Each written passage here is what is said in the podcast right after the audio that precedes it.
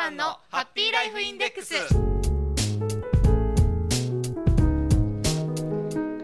FP タナちゃんマンのハッピーライフインデックス。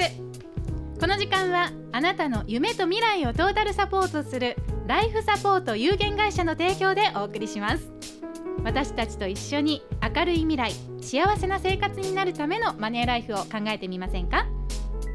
この番組ではあなたからの疑問や質問も受け付けています。お気軽にぜひお寄せくださいね、えーメールでしたらスピーディーにお答えもできると思います。宛先は fm768 アットマーク p-wave.ne.jp fm768 アットマーク p-wave.ne.jp です。お待ちしてます。さあそれでは今日も早速一級ファイナンシャルプランニング技能士でありライフサポート有限会社代表のタナちゃんマンを呼んでみましょう。あなたもご一緒に。せーの。タナちゃんマン。はい、こんにちは、棚橋です。こんにちは。よろしくお願いします。さあ、たなちゃんは、はいえー今日の早速ですがテーマは何でしょうか？今日はですね、えー、フラット35住宅ローンについてお話をしてみたいと思います。はい。はい。今までの住宅ローンと違うんですか？そうですね。はい、あのフラット35というのはですね、あのーまあ以前からあったんですけれども、はいこの、えー、6月から6月4日からですね、フラット50という商品も、えー発売っていうんですかね、これはあの国のね金融支援機構から出てる商品ですので発売という言葉がふさわしいかどうかわかりませんけれども、はいこの6月4日からフラット50っていう取り扱いも始まりました。あ、そうなんですか。えっ、と住宅ローンについて私あまり詳しくないんですけれども。はい今までのその35とそのフラット50の違いはそうですね何ですか。はい、えーフラット35っていうのはですね、えー、35年間、えー金利が固定されたあー住宅ローンということでね、あのーまあ、返済計画がやりやすいとか固定金利なので、えー有利ですよということで、えーよく使われてたんですけれども、はい。それがフラット50ということで50年間固定金利の住宅ローンが新しく登場をしたということになっております。なるほど、はい。それはあのローンを支払う期間は長くそうですね。できるってことですね。ね。はい、えーフラット35は35年間、はい。フラット50は50年間の固定金利のお50年返最長50年返済の住宅ローンということになっております。はい。はい。えいい点とか違いとかそうですね。なんかあはい、るんですか？やはりあのメリットもあればデメリットもあります。えーとこのフラット50のですね、えー特徴としましては、えー36年以上50年以下の返済で、えー固定をおその返済期間のお金利を固定できるというところにメリットがあります。はいで、えーフラット35はですね、えーこのと今年からなんですけれども従来はえー購入しようとするあるいは、えー建築しようとする住宅の金額のですね購入金額の90%までが融資のまあ、融資を受けられる上限だったんですけれども今年から、え100%の融資に変更になっております。それに対して、フラット50はですね購入価格の60%が上限、えーもしくは、えー6000万円が上限ということになっております、まあ、購入しようとするう住宅の価格が1億円以下の物件で60%が上限になっておりますので、えー購入しようとする金、えー物件の60%以下、えーももしくは6000万円どちらか少ない方が上限というふうに設定をされています。なるほど、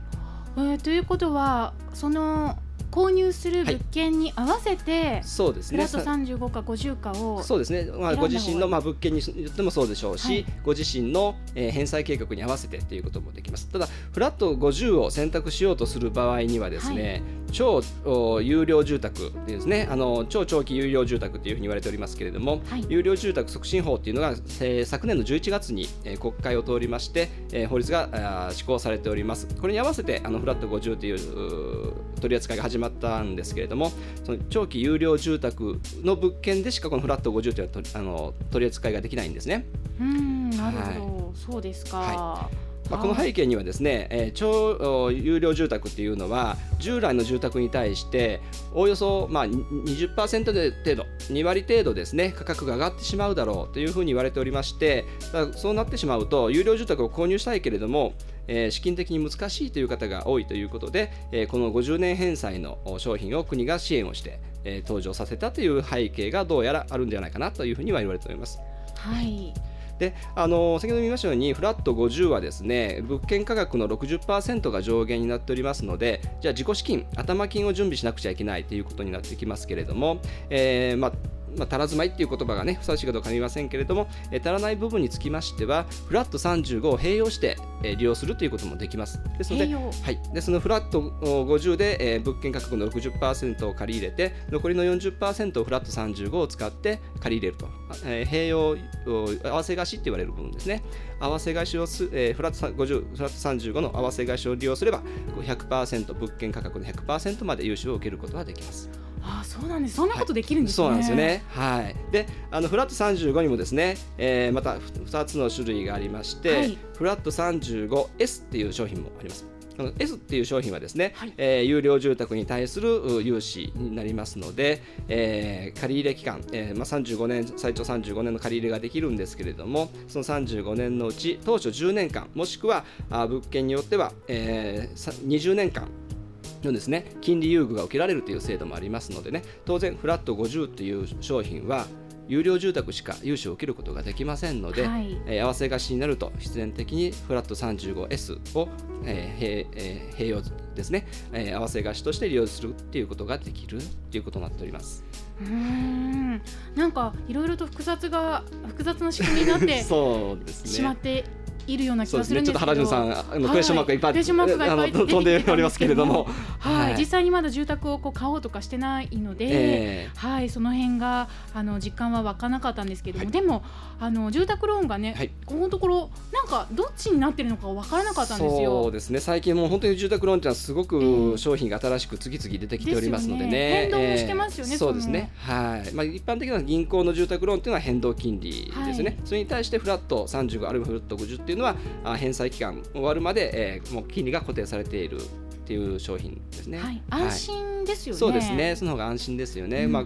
えー、今非常に低金利ですけれども、はい、えー、景気があ今ね今日も